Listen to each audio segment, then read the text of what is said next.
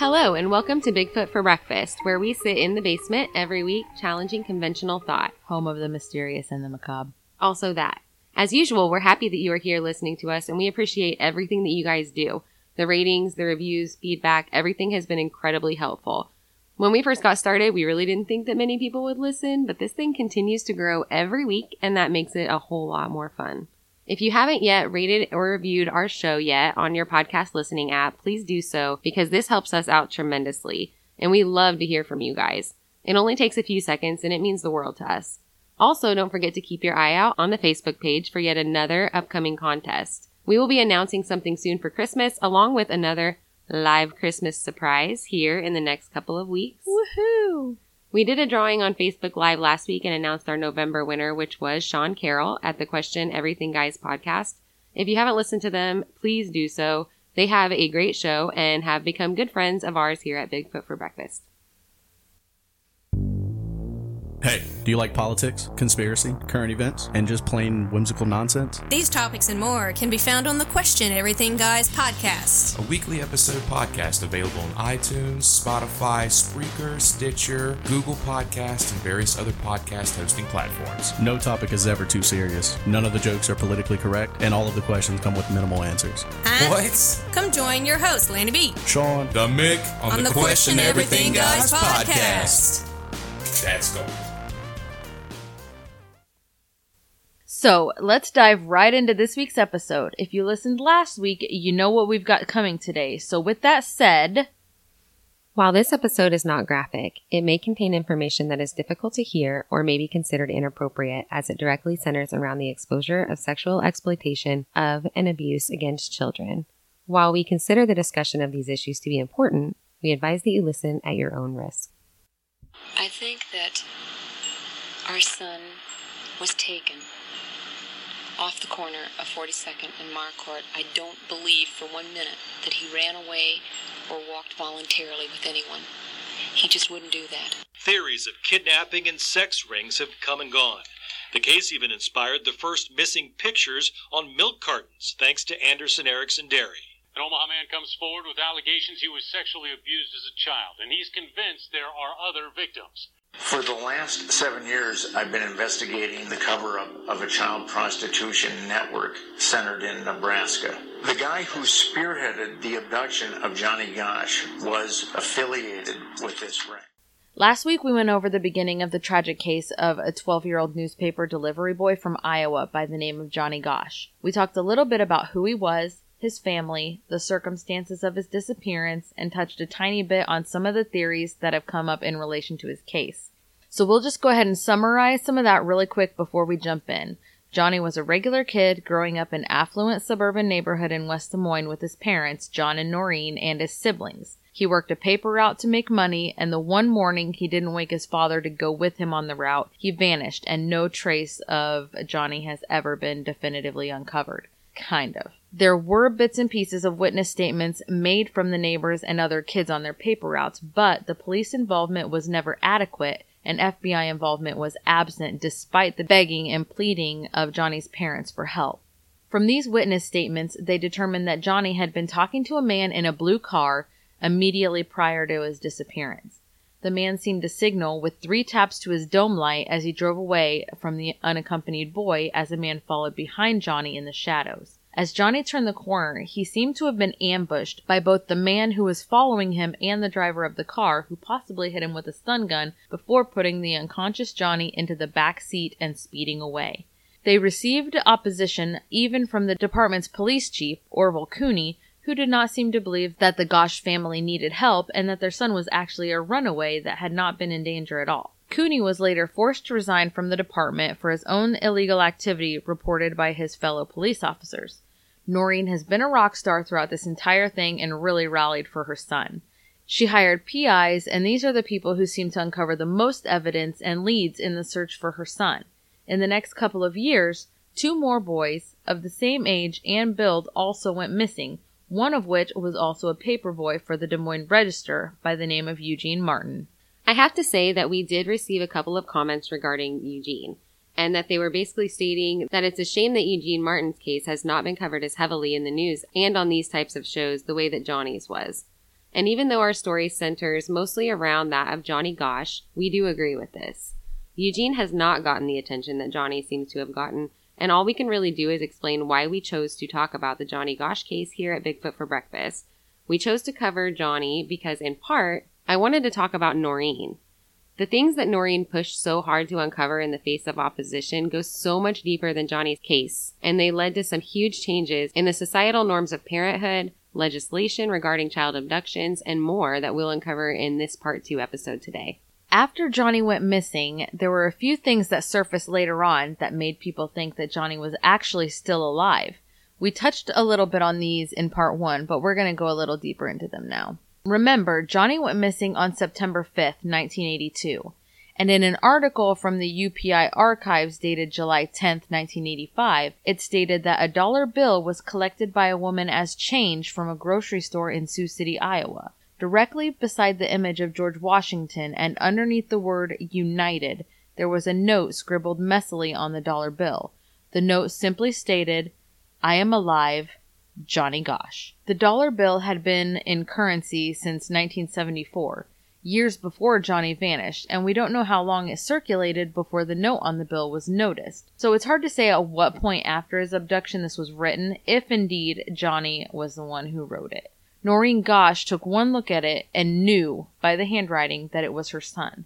A lot of people claim that she jumped to conclusions because of her immense amount of desperation and hope, but I'm going to go ahead and say that if she says that it's her kid's handwriting, I believe her. Johnny's father, John, also agreed with his wife that this was his handwriting. It was analyzed by handwriting experts and further was identified as handwriting belonging to Johnny Gosch. Immediately after the discovery of the note on the dollar bill, a press conference was held that was attended by both Iowa Senators Chuck Grassley and Tom Harkin, who were serving at the time. In this press conference, the Gosches pleaded with their child abductors and attempted to negotiate with them for his safe return. They offered to call off any further private investigations and not to help with any legal action against the abductors in the case that he is discovered. They asked to be contacted by the abductors directly and privately to return their son alive with no questions asked, or for the abductors to provide them with any information that they can if he is deceased, so that they may at least know what happened to him. For this information or for the return of their son, they may have all the reward money that has been offered thus far. And don't forget the woman in the parking lot in Oklahoma who was said to have encountered Johnny while walking to her car. This happened about six months after he disappeared. A boy ran up to the woman and was said to have been screaming, I'm Johnny Gosch, I've been kidnapped.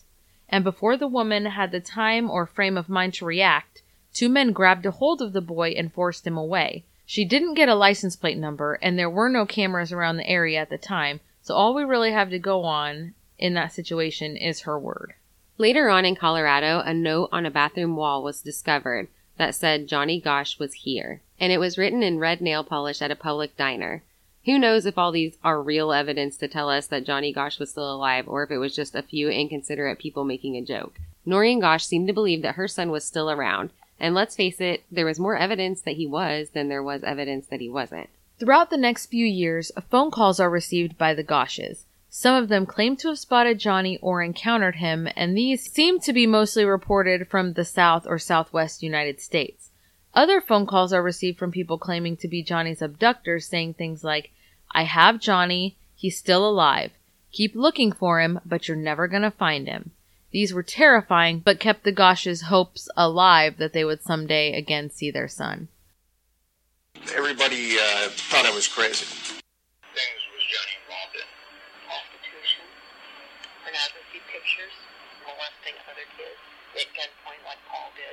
He told an incredible tale of an underground network of adults who kidnap and sell children for sex. Noreen decided to meet him face to face to confront the person who says he helped kidnap and sexually assault her son. It's it's very difficult to even describe to someone who's not been through it. You have first of all the the tearing pain of being separated from your child, wondering if they're dead or alive or who's doing what to them.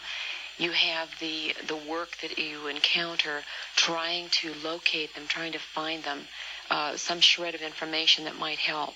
It's just a, it's just a level of frustration and pain that I I never thought I would live through or experience in my entire life. Then, out of nowhere, another character enters the picture. A very important one with a lot to say. In 1991, a convicted sex offender and a victim of severe sexual abuse himself since the age of six came forward with new information. He was in jail being held in Lincoln, Nebraska, and his name was Paul Bonacci. Bonacci came forward to state that he had information pertaining to Johnny's case. He goes on to claim that he was there, in the back seat of the car, that was used to abduct the boy. He claims that he was working as an accomplice to the kidnapping and assisted the others to subdue him and get him into the car. Once Johnny was in the back seat, Bonacci claims that he held a rag laced with chloroform to his face until he was completely unconscious and easier to handle. Now, Bonacci is not only a convicted criminal, but has also been diagnosed with mental illness, including multiple personality disorder. With this disorder comes a 15 year old alter ego by the name of Mark Anderson that was said to have been born out of years and years of sexual abuse endured by Bonacci. From what I've read, it seems that this alter ego is the one who made the claims, fidgeting nervously and shamefully in his chair as he spoke quietly, telling law enforcement that this is just one of several abductions that he had been forced to participate in by his own abductor at gunpoint. Bonacci's abductor was a man known simply by the nickname the Colonel. Bonacci's story gets even more interesting. The Colonel is said to be a big player in a child sex ring operation that spanned the entire country, even the globe. The operation was intricate, organized, predatory, very lucrative, and existed as a huge network of pedophiles everywhere who were abducting small children, mainly boys, into it. Kids were being bought and sold like merchandise, and Bonacci claimed to be one of these abductees. The killing of these children was extremely rare as they were seen as valuable property and they were used over and over again to produce pornography. And often, if they were favored by someone of elite status, they would be auctioned off and sold to the highest bidder. Bonacci's statement said that Johnny had been taken to a house in Sioux City, Iowa, and held there for several days. Bonacci said that he lost track of Johnny for a while, but four years later encountered him again, still in captivity, in Colorado. Many people believe Bonacci's account due to the strange surfacing of small amounts of evidence related to Johnny in these specific areas, such as the dollar bill in Sioux City and the note written on the bathroom wall in Colorado. Bonacci said that when he encountered him in Colorado, he was still being kept by the colonel in an obscure house along with several other boys. The house had underground spaces dug out where they would keep the boys if they needed to hide them or lock them up. West Des Moines Police and Iowa DCI had already said at this point that they had no plans to interview Bonacci, but that they would get back to the press and the family later that week. Later on, it came out that the police did go to Omaha to interview the siblings of Paul Bonacci, and they stated that Paul was in Nebraska at the time of the Johnny Gosch kidnapping and could not have been in Iowa doing this. With this information, the police decided not to go ahead and interview Bonacci and to return home. We're going to go ahead and dive into the testimony of Paul Bonacci anyway, because despite their claims, there is a lot of evidence that comes about later to the contrary. Evidence that does put Bonacci in the car that morning, and a lot more evidence that Bonacci is being truthful. The day that the story broke on the news about Paul Bonacci's claims, Noreen stated that she was interviewed immediately by the FBI at her work, and they seemed to want to know what she was up to and what she was stirring up here. She explained to them that she had no idea about Bonacci and that she was just as surprised as they were. She went home and waited for her husband to get there so that she could talk to him about this. She stated that he did not arrive home until 6 a.m. the next morning, and when he walked through the door, she asked him if he had heard about Paul Bonacci's statement. He told her that he had actually already known about Bonacci for a couple of years. Appalled by this admission from her husband, she asked him to elaborate. He told her that a couple of years ago he received a phone call while she was not home. The call was from Bonacci's attorney, who told John that Bonacci had confided in her these claims about Johnny being held captive as part of an international pedophile ring. John immediately drove to Lincoln, Nebraska to speak with Bonacci himself, but took another woman with him to pose as Noreen. He spoke at length to Bonacci and then decided not to tell Noreen of this news and instructed Bonacci's attorney to never again call the home phone and had them call another number with any new developments. I can only imagine that he just did not want her to know the details of what Bonacci was claiming to have happened to Johnny, as it would only further her already incredibly deep anguish over the situation. Noreen Gosch, however, did go to the prison in Lincoln to meet with Bonacci herself. Surprisingly, she arrived at the prison with very little hate in her heart, but more sympathy for the boy who had helped take her son because she realized that he was also a victim and had likely been forced to participate. She sat down in front of Bonacci with forgiving eyes and told him that she just wanted to know what happened. Bonacci immediately broke down in tears. She brought with her a private investigator by the name of Roy Stevens and the NBC reporter that broke the news about the development so that the encounter could be on record. The private investigator pieced through everything that Bonacci had told them and checked out as many details as possible from the conversation. This private investigator concluded, according to Noreen, that Paul was being truthful in his statements. It's important to note also that Paul Bonacci didn't get a better deal or a lesser sentence out of this confession. He essentially didn't benefit at all. He was in prison for child molestation and would serve out his time for that regardless of what he told Noreen and the investigators. When questioned further about this supposed huge pedophile and sex trafficking ring, and why it had not been exposed if it was so prominent. Bonacci states that the investigation was hampered constantly along the way due to high profile people involved in the ring and the employment and involvement of people in offices of power who would either offer large payouts or terrifying threats to those who looked into it. It turns out that at the time of Johnny's kidnapping, Paul would have only been 14 or 15 years old himself. It seems that he was used in order to help attract Johnny as though maybe he would be more likely to approach a car if there was another kid about his age in it. According to Noreen, a man by the name of Emilio was driving the car and Bonacci told her that he would go by different last names all the time. He also drove around looking for kids just like he did that morning, and he kept at least a dozen different license plates in his trunk so that he could change them out to throw off police. According to Bonacci, the pedophile ring had involvement as high up as the CIA, the military, and various politicians within the state and federal government. This is why it was so difficult to shut it down or to get people to come forward with evidence and definitive proof. Bonacci also told them that the children who had been a part of this particular international ring had been marked or branded. Paul described the mark as having been placed on shoulders, hips, or calves and told them what the mark looked like.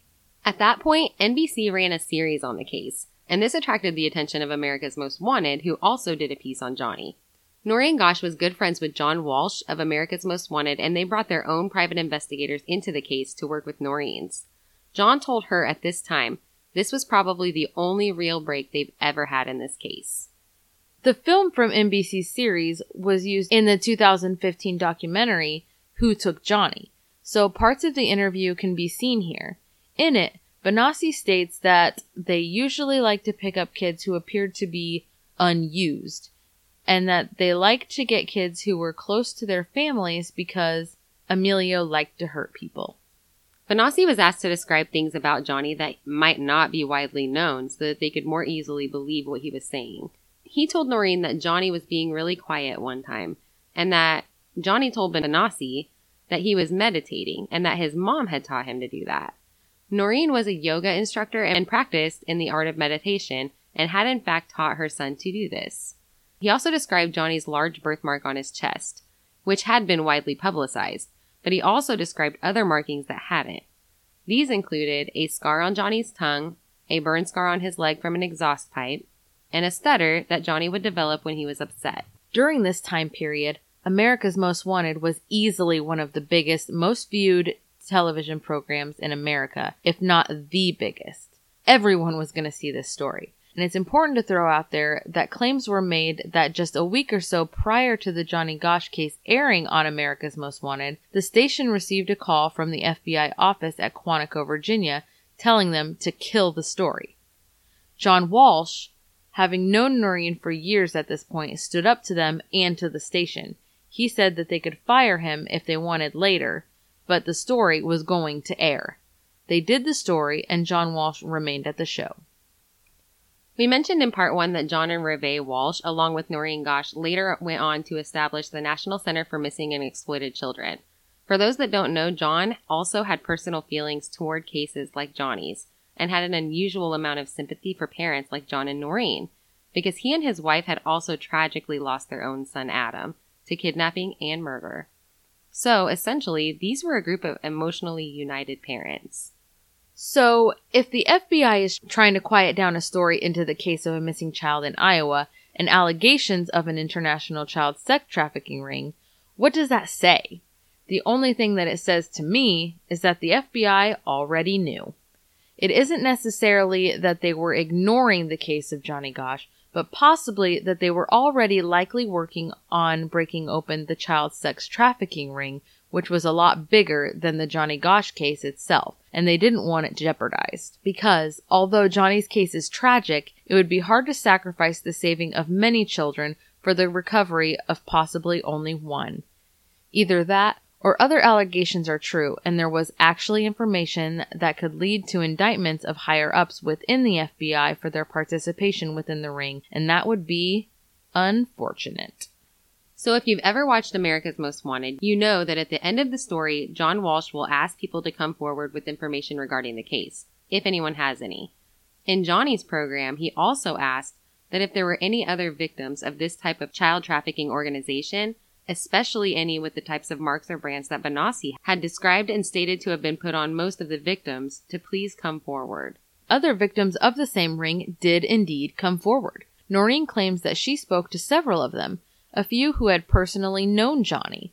About a month and a half after the show aired, Noreen received a letter in the mail from a kid named Jimmy and claimed that he had been through similar experiences to that of Bonacci's. After some months of correspondence through letters, she was finally able to get him to call her on the phone.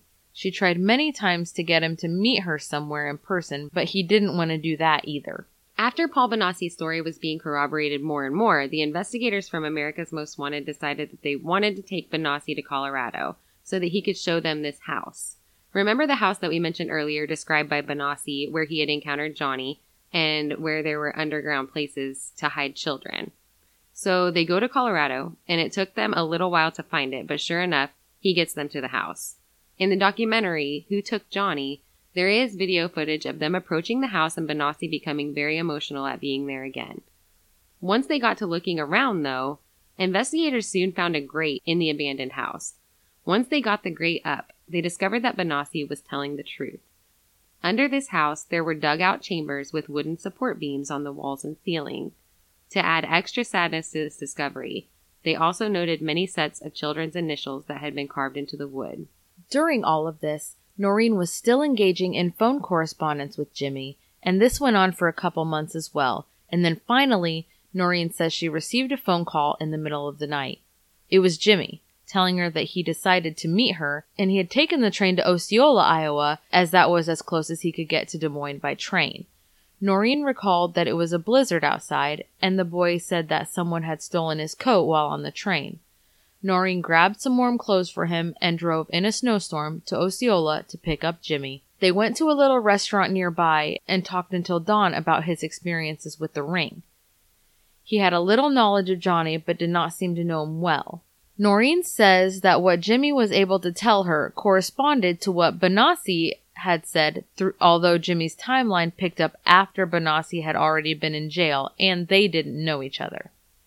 Jimmy then went on to show Noreen the exact brand on the calf of his leg that Bonacci had described to them. Isn't it all so coincidental? No, it's not. There are no coincidences in this case. Isn't it That's that they like this is a this is a solid trail of evidence is what this just like, is. probably not. you know, like like this is I mean you could roughly I mean barely call it circumstantial. This is evidence. That's what I'm And, like, saying. at- it's hard evidence. At one point, there was an interview with one of the cops, and I don't remember if it was, I think it was a West Des Moines police officer, and he was kind of saying, you know, that basically we had all these people involved, but they couldn't get faces put with the people that they were being accused. They couldn't track down the accused. You know what I'm saying? Mhm. So I kind of get that, that they couldn't do, they couldn't really prosecute or find them, but it also seems like they weren't following Right. leads Yeah, effectively. yeah. So it's like, well, yeah, you probably can't. It should have been the cops that found that house. The FBI.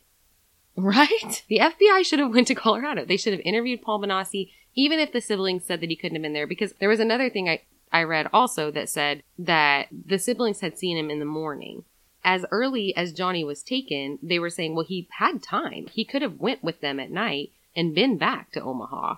And Mhm. Omaha's only three hours away. Yeah. You know, it's not far.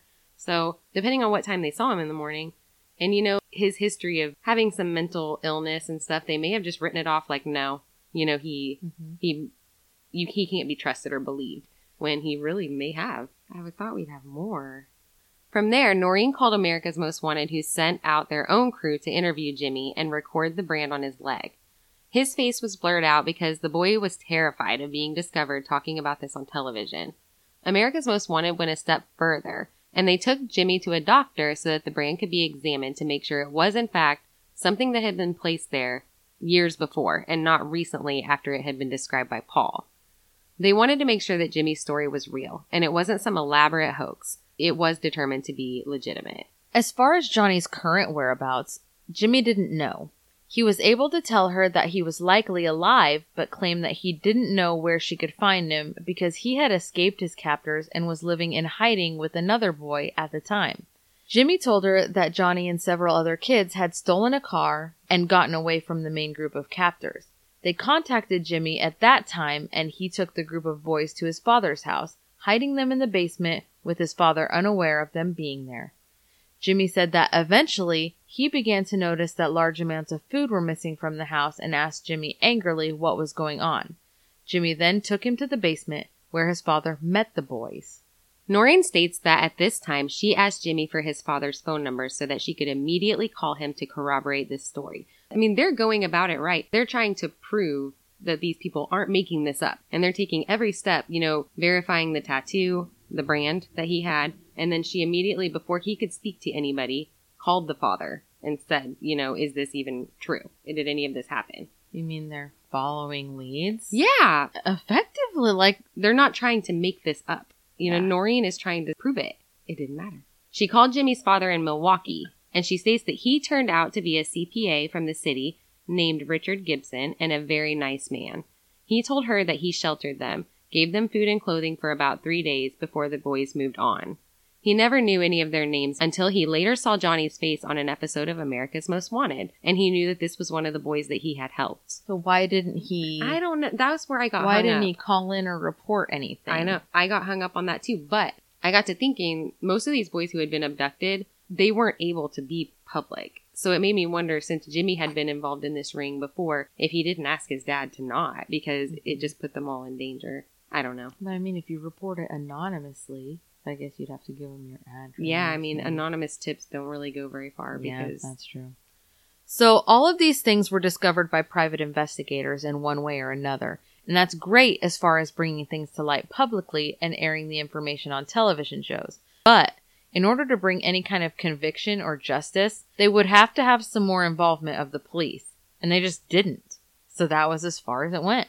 So they would never be able to get a DA to prosecute anything. Yet another incident occurred one day in March of 1997 in the early hours of the morning when Noreen responded to a knock on her door. Sleepy and frightened, she looked through the peephole to see two young men.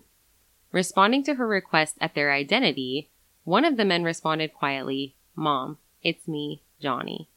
She flung the door open immediately, looking at his eyes, and she knew instantly that this was her son.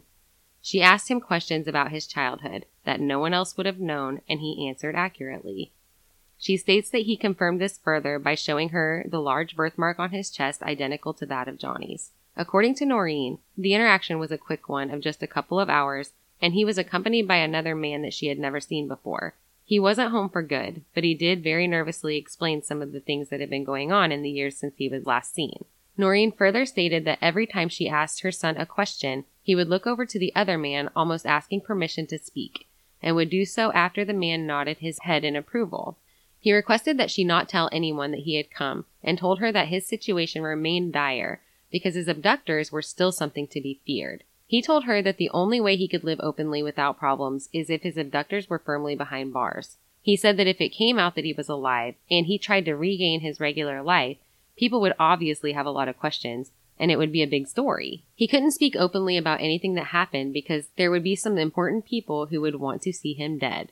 She kept this secret for a very long time, and when it finally did come out that Johnny had come to visit her, She states this is what further fueled her fight for justice all of these long years. His visit alone, as well as the fact that everything he said lined up with all of the things that Paul Bonacci had told her a few years earlier. Johnny never disclosed to Noreen where he would be, or if he would be back. At the time of the visit, Johnny would have been 27 years old.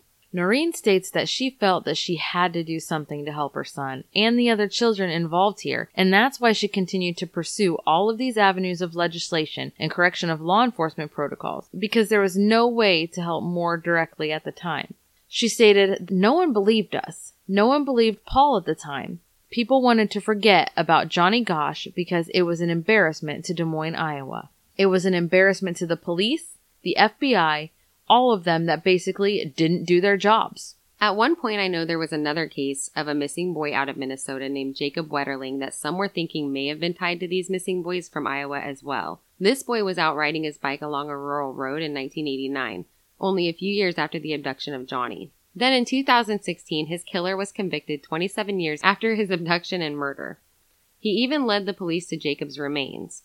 He admitted to sexually assaulting Jacob at gunpoint and then panicking when a police car drove by and he shot the boy in the head two times. He also admitted to abducting and sexually assaulting another boy in January of 1989 that was not killed. Danny Heinrich was the convicted murderer and he said that he did not have a gun that night. He only acquired one a couple of months before he had abducted Jacob.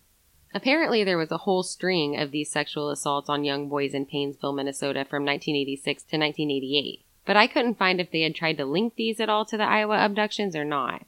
The boys in Minnesota were approximately the same age in descriptions of the Iowa boys, but none of them stated that there was more than one, and they all reported being held at gunpoint by a man in a mask. So that's a little different. Mm-hmm. The admissions that Danny Heinrich did make were specifically part of a deal, so who knows if he would have admitted to anything else. There were several articles stating that Jacob's case conclusion had reignited the cases of Johnny Gosch and Eugene Martin, but I'm guessing that they weren't able to link them at all since there was no connection ever mentioned that I could see. That wraps it up today here at Bigfoot for Breakfast with part two of the Johnny Gosch story. And hopefully for all of you, it's truly devastating, but an eye opening case for us here at Bigfoot for Breakfast, and hopefully for all of you out there listening as well. All of the progress that had been made in the last 30 years wouldn't have been possible without the extra steps taken by parents like Noreen Gosch and John Walsh, and these truly are historical and insightful cases into the dark and dangerous web of problems we face all over the world that are hidden from sight. Although we have taken this case just about as far as we could in our show with the story of Johnny Gosch, we don't have much more information directly pertaining to Johnny. Finishing up this story made us realize that there is still so much more to this issue that can't be left out. His case and Noreen's interaction with Paul Bonacci opened up the door to yet even more information into the world of child trafficking and eventually led to actual indictments of some pretty important people and the unveiling of a huge scandal. This further proved that Paul Bonacci was not the mentally incapacitated liar that he was made out to be in the beginning. As quoted from Noreen, sometimes the truth is stranger than fiction. This really did happen, there was a giant cover up. There are reasons why they did not investigate Johnny's case because it would have led to other, bigger things. And the people that would say they don't believe it better hope to hell that no one ever takes their child for the same reason because they will be in the same boat I am, dedicating the better part of two decades trying to find their child. So, this is where we have a discussion for you. We do have one more episode for you into this issue. We weren't sure whether three episodes would be a bit too much on this subject. Or if you guys are ready to get back to the freaky cryptids and paranormal conspiracies. We have those too.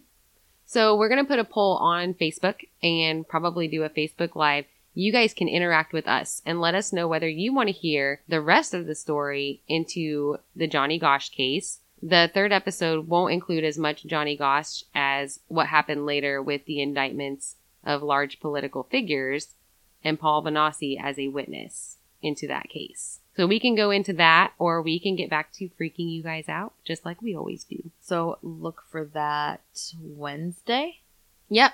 After you guys listen to it, go on, take the online poll, let us know what you guys want us to do next because we're happy to go further into this, but we didn't know if three episodes would be just a little bit too much. Yep. If you see us go live on Facebook on Wednesday, jump in and interact with us. You can ask questions we'll answer to the best of our ability. If you have any input or information that we didn't include, let us know. Let's yeah. talk about it. The show is growing all the time and we absolutely love it. If you get a few minutes and would like to rate or review the show on whichever podcast listening app that you use, please do so. It really helps the show out a lot, and like I said before, we always love hearing from you. We hope you'll tune into the show next week as we dive one episode deeper into this unbelievable tale. If you choose to have us do that. Because if you can believe it, it does get much worse.